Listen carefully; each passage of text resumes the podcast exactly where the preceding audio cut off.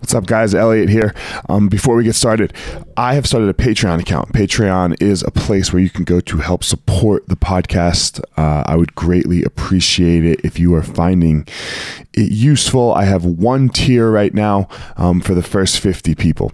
You will get all of the short hitters, all of the little inspirationals on Tuesday, Wednesday, Thursday. They're going to move behind the Patreon, so you, you'll have to subscribe to get them and then also a monthly ask me anything and a recipe and a jiu-jitsu technique uh, will all come directly to you and that's it so patreon.com backslash elliot marshall and thank you all for your help my ninjas i hope you're happy i hope you're well and i hope you're safe i'm sitting here with my dude what up What up? Nothing. how are you Good. How are you? it's a little early this morning right Yeah. So we're gonna do something a little different. Um, I've never done this before. Never had any of my family members on my podcast, but um, I thought it was kind of a pertinent thing. It was kind of cool for us to maybe see what happened this morning, Kanan.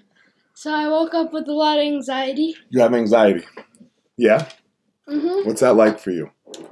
Just kind of worried about things. Got to worry about things. So you woke up this morning and you were crying, Yeah. right?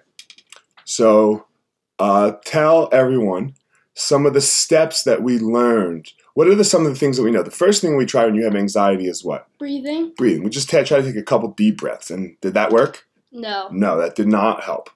So then what did mommy and daddy say?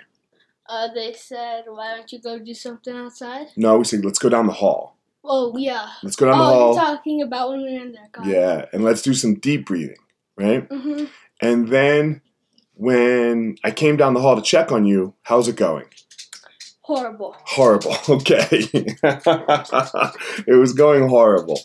And could you even do the breathing? No, not really. Step closer to the microphone. Could you do the breathing? Not really. Not really. So what did we learn that we had to do? Uh, we learned that we had to go outside and, or not necessarily go outside, but go do something where you need to kind of get your heart rate up a little bit. You need because and we know that anxiety is just what Extra energy. extra energy. We know that anxiety is just extra energy, and we have to what deal with it. use it. Or We just have to burn it up like like gasoline, right? hmm So we went outside. We played basketball. We joked around. We talked a little smack. We played around the world. Yeah, How you doing? much better. Much better? Oh, so you're everything's okay.